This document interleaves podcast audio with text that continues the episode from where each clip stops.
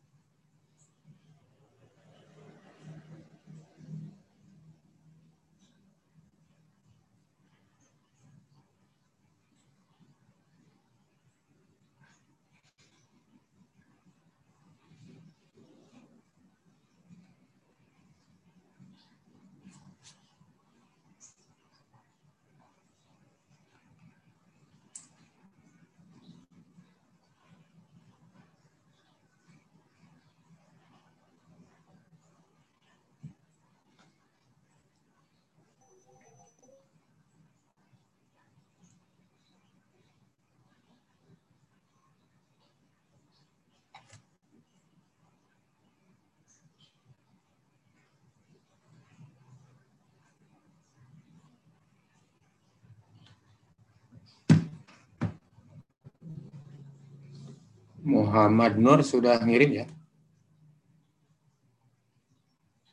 Yang UTS. Uh, saya sudah lewat emailnya Badru, Ustaz. Karena email saya bermasalah. Ustaz.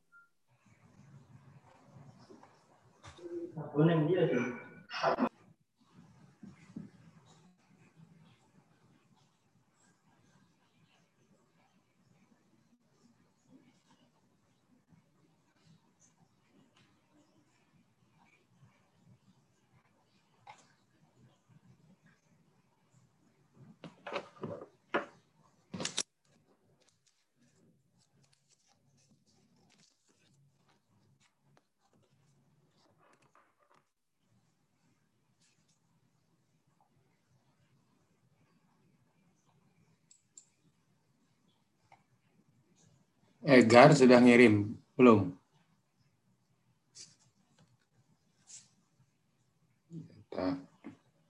Di emailnya itu ada beberapa yang belum ketemu.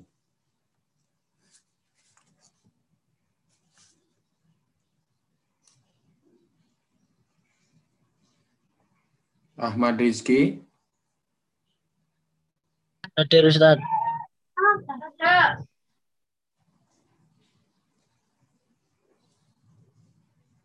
Ahmad Rizki sudah kirim? Sudah Ustaz.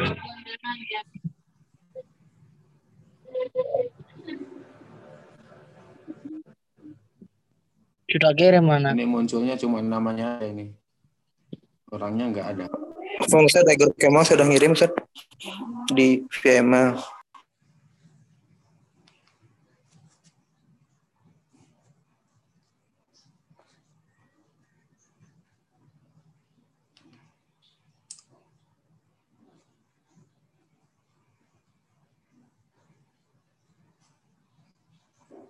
Dimas.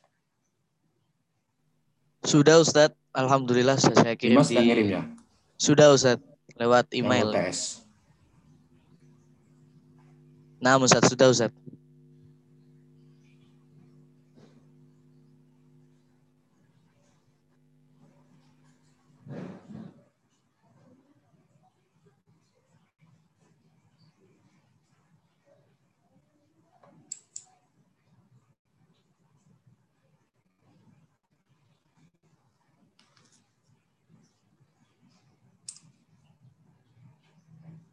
Fadil.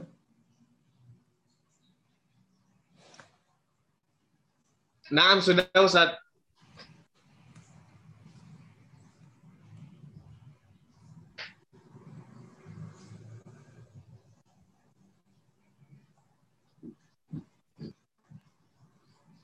Kami sudah kirimkan lewat email, Ustaz.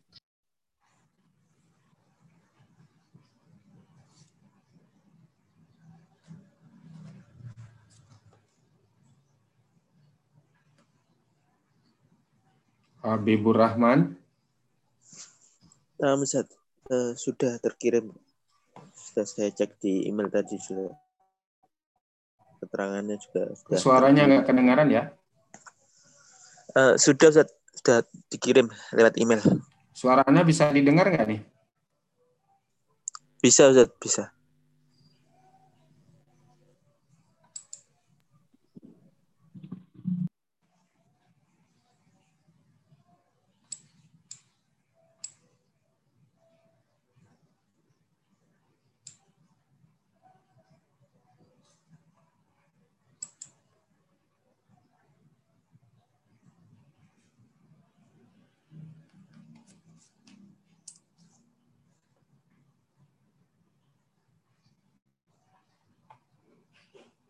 Habibur Rahman.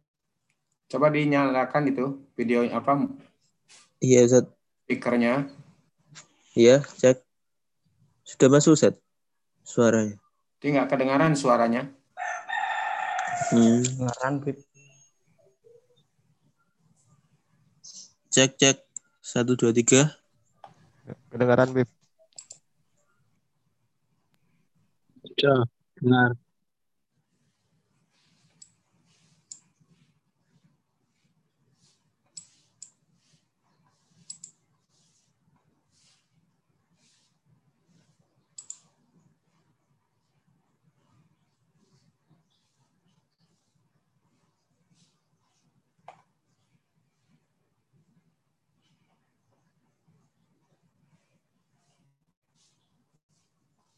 Coba di, dicoba itu mute-nya di pijit suaranya ada enggak?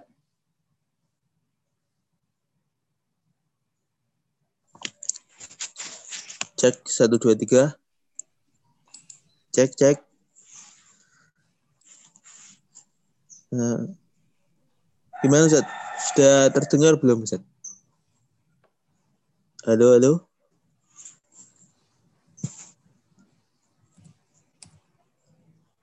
Cek. Satu, dua, tiga. Suara Habib sudah terdengar, Ustaz.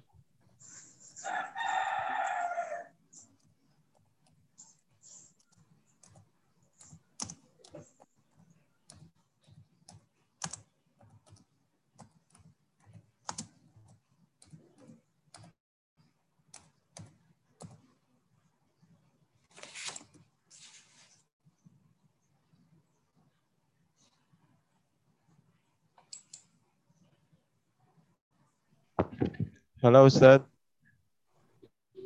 Cek. Cek Ustaz, cek.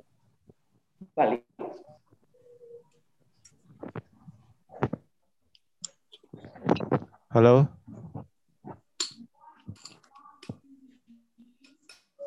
Halo Ustaz.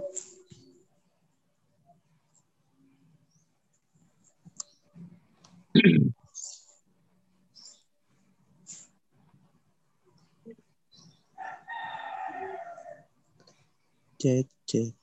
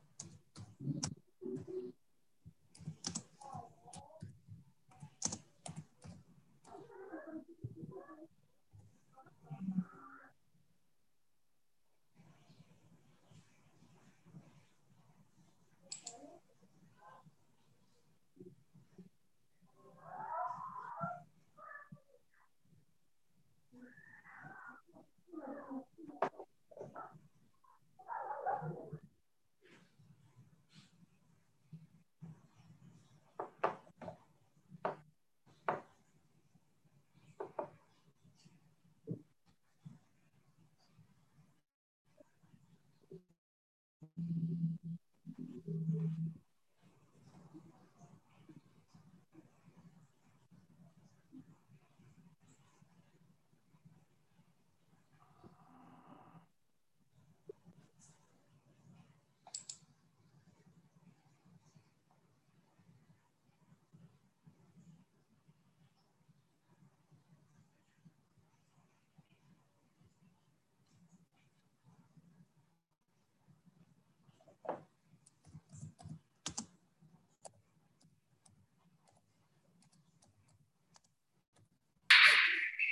Ahmad Hafid Ardiansah.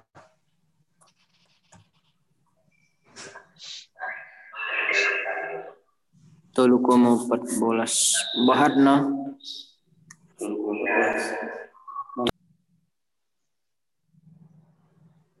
Ahmad.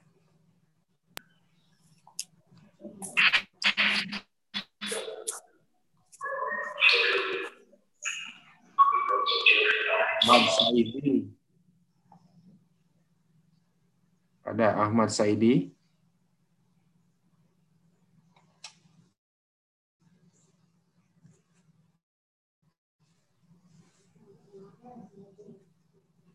Ahmad Zakwan tadi ada ya?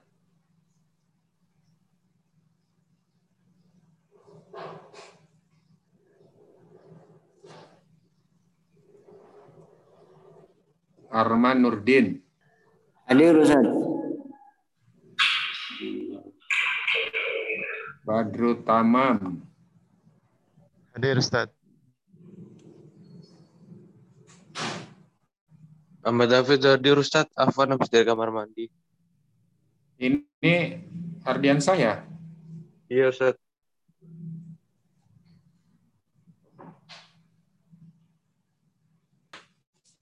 Kita masuk tentang awal waktu sholat, tapi Ana bahannya belum Ana share ya, belum Ana kirim. Nanti Ana kirim. Ana akan menyampaikan dulu pola berpikir dalam penentuan awal waktu sholat. Nah, pola berpikir ini sesuai dengan manhaj tarjih. Di mana manhaj tarjih itu ya seperti kita ketahui kan kalau mau menetapkan hukum itu pertama bersumber kepada Al-Qur'an, kepada As-Sunnah, kemudian baru di situ ijtihad ya. Ini semua hampir sekarang hampir semua begitu. Dulu NU itu dulu setahu Ana itu kalau mau menetapkan hukum itu pertama mencari dalam kitab-kitab yang yang muktabar. Kalau ada di situ maka ditetapkan berdasarkan pendapat kitab muktabar itu. Kalau tidak ada di kitab-kitab itu baru ke as-sunnah, hadis Nabi. Kalau tidak ditemukan pada hadis Nabi lalu pada Al-Qur'an. Itu seingat Ana begitu. Yang NU itu dulu. Tapi sekarang NU juga sudah mulainya dari Al-Qur'an juga kayak Muhammadiyah. Al-Qur'an terus As-Sunnah. Nah, tetapi ketika masuk pada ijtihad itu lalu ke pendapat ulama. Pendapat ulama yang ada dalam kitab-kitab muktabar itu. Nah, nanti kalau sudah tidak ada di situ, terus sampai ke bawah, barulah beristihad sendiri gitu. Itu sama dengan di persatuan Dewan Hisbah. Dewan Hisbah juga gitu. Di Muhammadiyah langsung ke istihad bukan berarti mengabaikan pendapat-pendapat ulama, tapi pendapat ulama itu menjadi sumber atau menjadi bahan pertimbangan dalam berijtihad. Gitu ya. Ini sudah belajar manhaj tarjih ya? Nah, garis besarnya setahu Ana begitu. Nah, kemudian pendekatannya itu kan pendekatan tiga bayani, burhani, kemudian irfani. Ya, kalau sudah terselesaikan dengan sempurna menggunakan bayani, ya tentu tidak harus ke burhani. Tapi untuk kepentingan kepastian hukum itu, itu memang bagusnya digunakan ketiga-tiganya secara berjalin berkelindan itu ya. Jadi semacam satu kesatuan yang utuh ketiganya itu. Tapi itu memang tidak mudah. Nah, sekarang perhatikan alur berpikir di dalam menentukan jadwal-jadwal sholat atau waktu-waktu sholat, khususnya sholat fardu. Nah, kita mulai melihat dalam Al-Quran. Nah, ayat-ayat Al-Quran itu ada mengatur tentang waktu-waktu sholat. Tetapi waktu sholat yang diatur dalam Al-Quran itu belum atau tidak rinci. Tidak rinci. Jadi masih sifatnya global. Nah, kemudian karena di dalam Al-Quran itu masih global, maka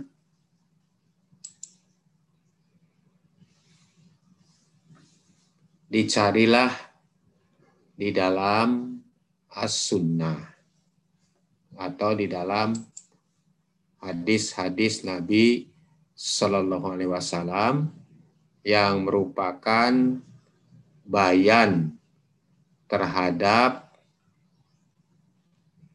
uh, Al-Quran ya.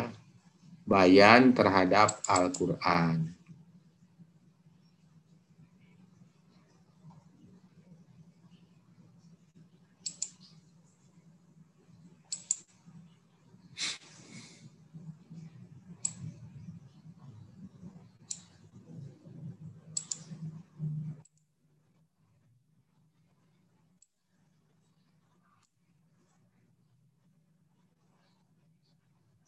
Ini ada gangguan sedikit ini.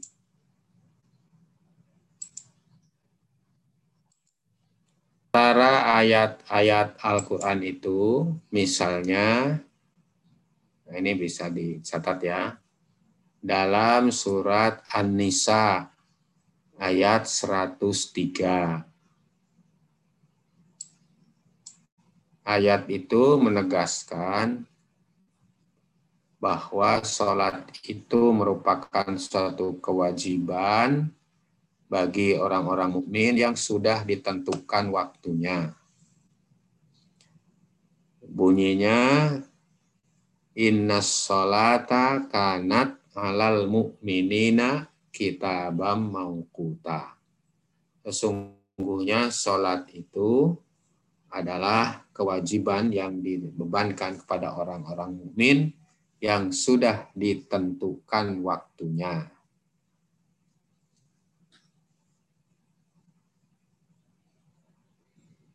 Kemudian selain itu ada juga pada surat Al-Isra ayat 78. Ayatnya berbunyi aqimis sholata lidulu kisyamsi ila ghasaqil laili wa Qur'an al-fajri inna Qur'an al-fajri kana mashhuda. Tunaikanlah sholat karena tergelincir matahari hingga gelap malam. Dan sholatlah ketika terbit fajar karena terbit fajar itu disaksikan oleh para malaikat. Kemudian dalam surat Hud ayat 114. Wa aqimis sholata torofain nahari wa zulafam minal lail. Tunaikanlah sholat di penghujung siang ya, dan di penghujung malam.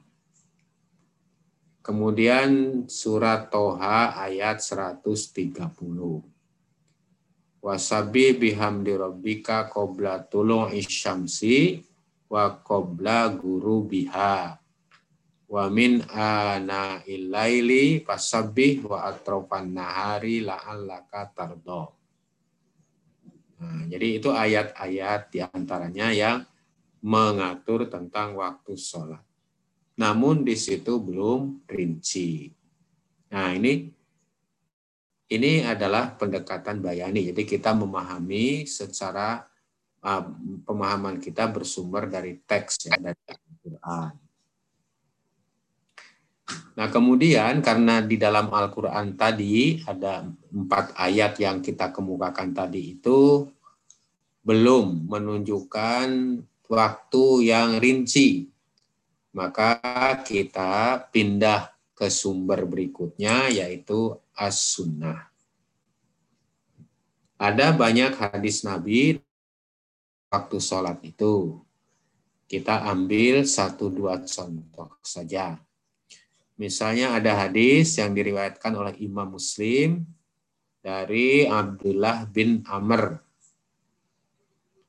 Abdullah bin Amr berkata, "Anna Rasulullah sallallahu alaihi wasallam qala waktu duhri idza jalatis syamsu wa kana dhillur rajuli katulihi malam yahduril ashru." Waktu duhur itu ketika tergelincir matahari dan bayang-bayang seseorang sama panjangnya selama belum masuk waktu asyar. Nah, ini sudah jelas ini tentang waktu duhur ini. Dajalati syamsu ketika tergelincir matahari.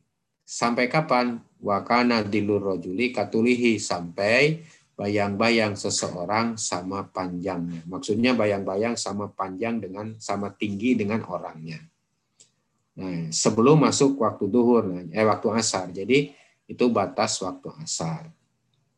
Memulai waktu asar. Begitu berakhir waktu duhur, masuk waktu asar. Wa waktul asri malam tashfaros syamsu. Dan waktu sholat asar selama matahari belum menguning Nah, kalau menurut hadis ini, akhir waktu sholat asar itu ketika matahari menguning, bukan ketika matahari terbenam. Sebelum terbenam itu biasanya cahaya di ufuk barat itu atau cahaya matahari di, barat itu di ufuk barat itu itu ke kuning kuningan. Nah, kalau sudah ada kuning itu sudah berakhir waktu sholat asar ini menurut hadis ini. Kemudian wa waktu sholatil maghribi malam yagibi syafaq. Waktu sholat maghrib itu selama belum terbenam mega merah. Jadi mulai terbenam matahari sampai sebelum mega merah menghilang atau mega merah tenggelam. Nah, jadi ini waktu maghrib wa waktu sholatil isya'i ila nisfil lailil ausat. Nah, waktu sholat isya nah, berarti dari hilangnya safak, safak atau mega merah sampai pertengahan malam. Pertama ini ya ini penafsirannya bisa macam-macam ya untuk isya ini. Akhir sholat isya. Kalau ini kan ila nisfil lail, lailil ausat. Setengah malam setengah malam yang pertama berarti ya itu sebelum jam 12 ya. Wa waktu salat subhi min tulu'il fajri malam tatlu'i syamsu. Nah, ini salat subuh sangat jelas ini.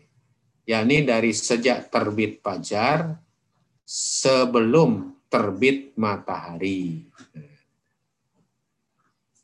Sebelum terbit fajar. Nah, ini hadis salah satu hadis ini lebih memerinci waktu-waktu sholat itu ya. Waktu sholat. Demikian pula pada hadis lain, antara lain misalnya hadis Jabir. Itu yang dikenal dengan hadis Jibril juga ya. Itu karena Jibril datang kepada Rasulullah, kemudian diminta untuk sholat. Itu apa namanya? Eh, Ja'a Jibrilu ilan Nabi sallallahu alaihi wasallam hina zarati syamsu Pakola kum ya Muhammad pasallat zuhri. Nah, gitu. Pakoma pasalat zuhri. Nah, pasalat duhro ya. Nah, jadi Nabi Muhammad diminta untuk sholat duhur, lalu Nabi sholat duhur. Kapan itu? Hina zalati syamsu, ketika matahari tergelincir. Nah, itu hadis yang diriwayatkan dari Ibnu Hibban ini diambil ya.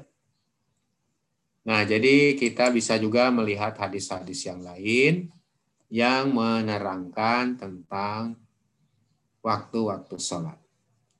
Dari ayat-ayat Al-Quran itu dan hadis-hadis itu, nah secara bayani kita mendekatinya, kita dapat mengambil kesimpulan bahwa waktu-waktu sholat itu dikaitkan dengan fenomena matahari. Nah, gimana itu? Tergelincir matahari, lah itu fenomena matahari. Matahari tergelincir, artinya condong ke barat. Kemudian asar ketika bayang-bayang satu kali panjang bendanya. Nah, itu juga bayang-bayang yang dimaksud adalah bayang-bayang matahari. Jadi juga ini fenomena matahari. Yang ketiga maghrib, yaitu terbenam matahari. Itu juga sama, itu juga fenomena matahari. Lalu hilangnya mega merah. Nah, mega merah itu akibat dari penyinaran sinar matahari ke atmosfer partikel-partikel yang ada di ufuk barat. Karena sinarnya sejauh apa namanya eh, ke partikel itu lalu dipantulkan ke mata kita atau ke permukaan bumi yang kita tempati dengan cahaya yang lemah sehingga warnanya kemerah-merahan itu. Syafak mega merah. Nah itu juga matahari. Lalu subuh pun terbit fajar ya. Fajar itu adalah fenomena matahari. Karena itu sinar matahari yang berhamburan di ufuk sebelah timur. Lalu sinarnya yang dihamburkan ke partikel-partikel sebelah timur itu, atmosfer sebelah timur itu dipantulkan ke mata kita, lalu kita bisa melihat cahaya. Ya, ini fajar. Jadi semuanya itu adalah fenomena matahari. Nah, jadi dari situlah maka Eh, untuk lebih menegaskan dan menjelaskan tentang awal waktu sholat, karena kalau hanya mengacu kepada nas itu tidak bisa pasti, tidak bisa akurat ya, karena fenomena-fenomena matahari tadi itu tidak mudah untuk diamati. Maka kemudian dibuatlah rumusan-rumusan dengan menggunakan apa? Dengan menggunakan ilmu yakni ilmu falak atau ilmu astronomi dengan perangkat-perangkatnya. Misalnya apa eh, eh, ilmu ukur bola, kemudian segitiga bola dan seterusnya itu. Itu. Jadi apa namanya eh, pendekatannya sudah lalu nanti harus beralih dengan menggunakan pendekatan burhani, pendekatan ilmu pengetahuan alam, ilmu falak atau astronomi dan perangkat-perangkatnya. Nah, pertanyaannya adalah misalnya begini. Akimis sholat liduluki syam. Tunaikanlah sholat, maksudnya sholat duhur, karena tergelincir matahari. Nah, pertanyaannya, Ah, yang dimaksud tergelincir matahari itu apa? Nah, jadi tergelincir matahari itu tidak lain dalam ilmu pengetahuan astronomi atau ilmu falak adalah ketika matahari itu beralih dari bagian timur bumi ke bagian barat. Lah kalau beralih dari bagian timur ke bagian barat, berarti harus ada pembatas antara timur dan barat. Mana pembatasnya? Nah, pembatasnya itu adalah busur yang menghubungkan kutub utara dengan kutub selatan melewati atas kepala kita. Nah, gitu. Jadi dari utara ke selatan itu seolah-olah ada busur, ada lingkaran gitu, bagian lingkaran, lalu melewati atas kepala kita. Nah, yang sebelahnya itu timur, yang sebelahnya lagi adalah barat. Jadi itu pembatasnya. Itu dalam ilmu pengetahuan. Di dalam Al-Quran, di dalam As-Sunnah tidak ada penjelasan seperti itu. Nah, penjelasannya adalah melalui pendekatan burhani yaitu menggunakan ilmu falak itu. Jadi eh, tak diketahuilah bahwa sekarang sudah tahu ada batas timur dan barat. Nah, batas itu yang dikenal dengan lingkaran meridian itu. Atau lengkapnya meridian setempat.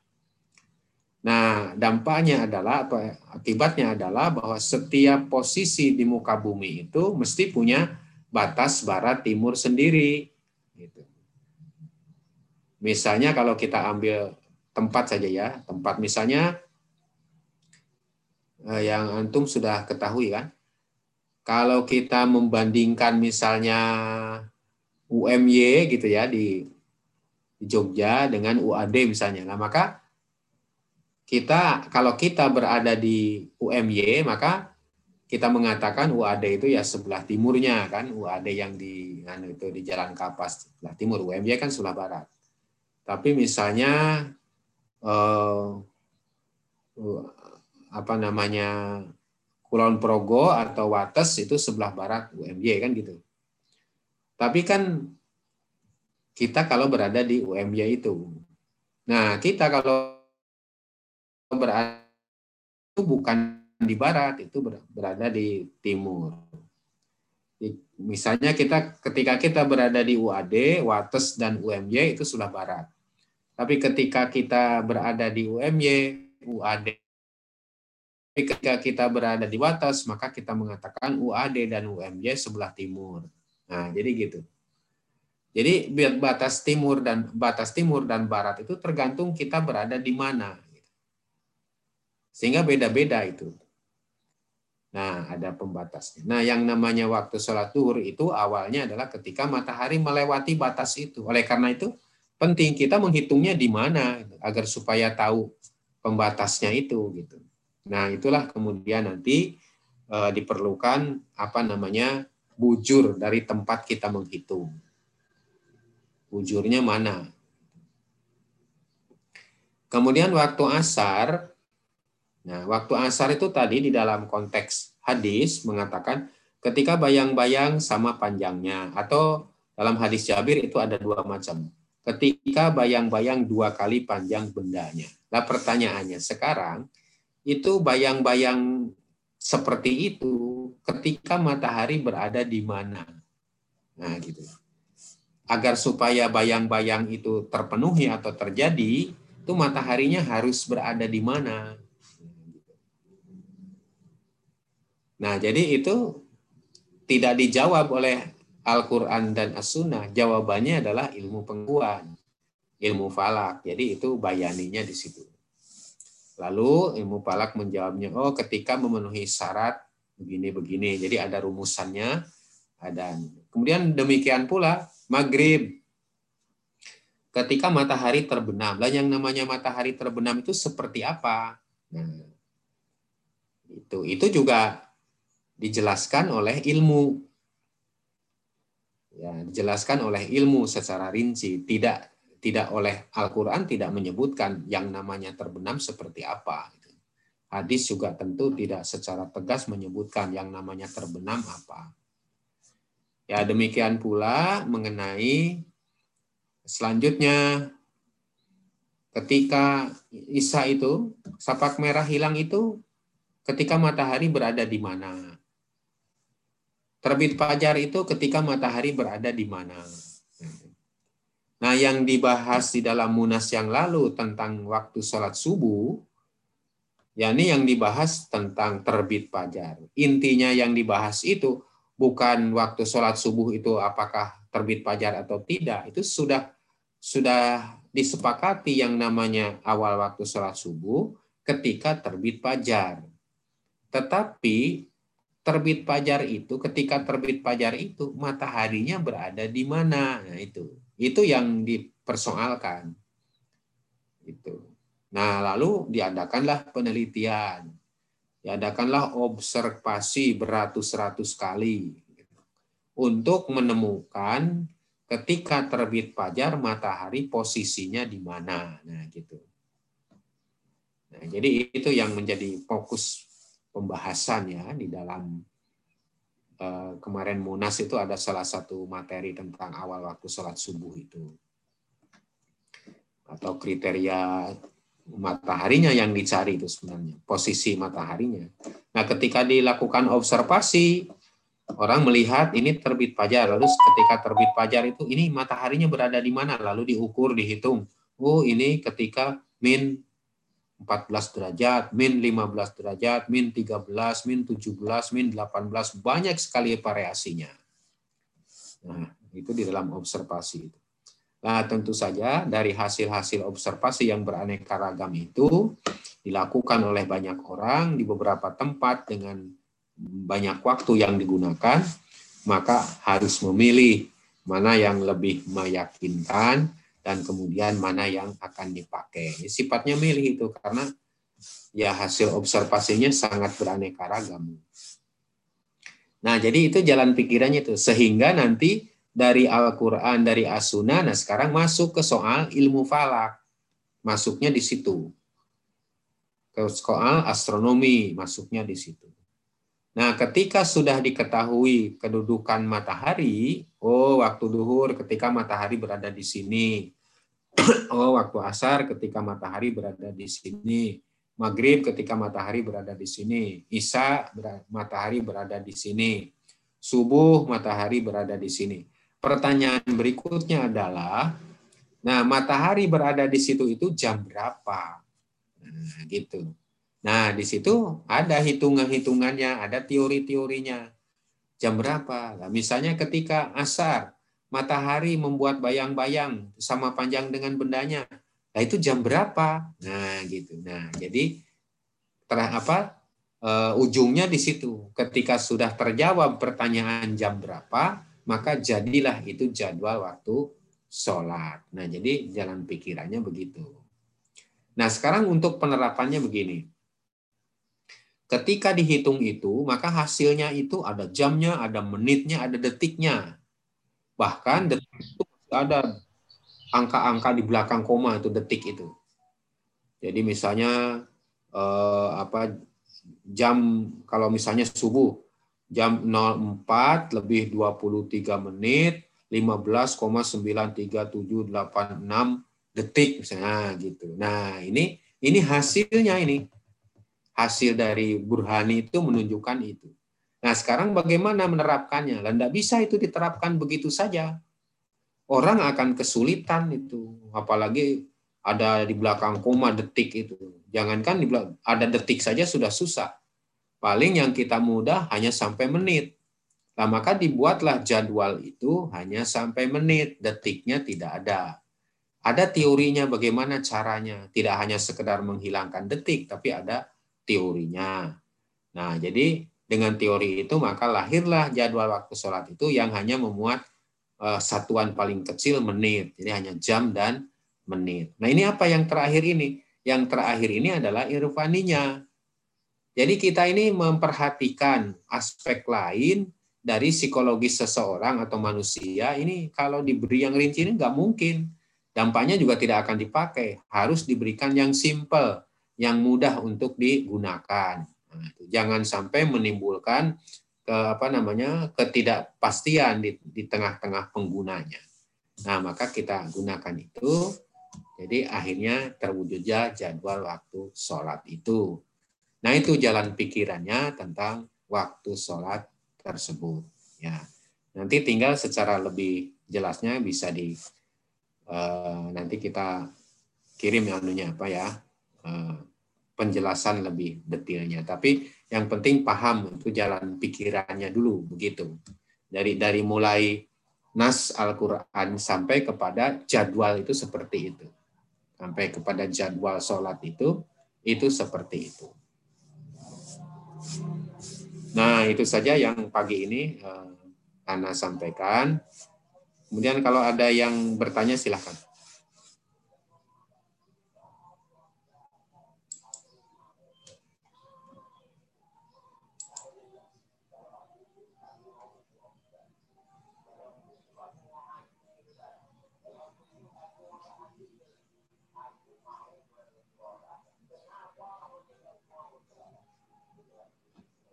Nggak ada pertanyaan? Belum ada? Ya, baik ya. Kalau belum ada pertanyaan, em, kita akhiri pertemuan ini dengan mengucapkan hamdalah.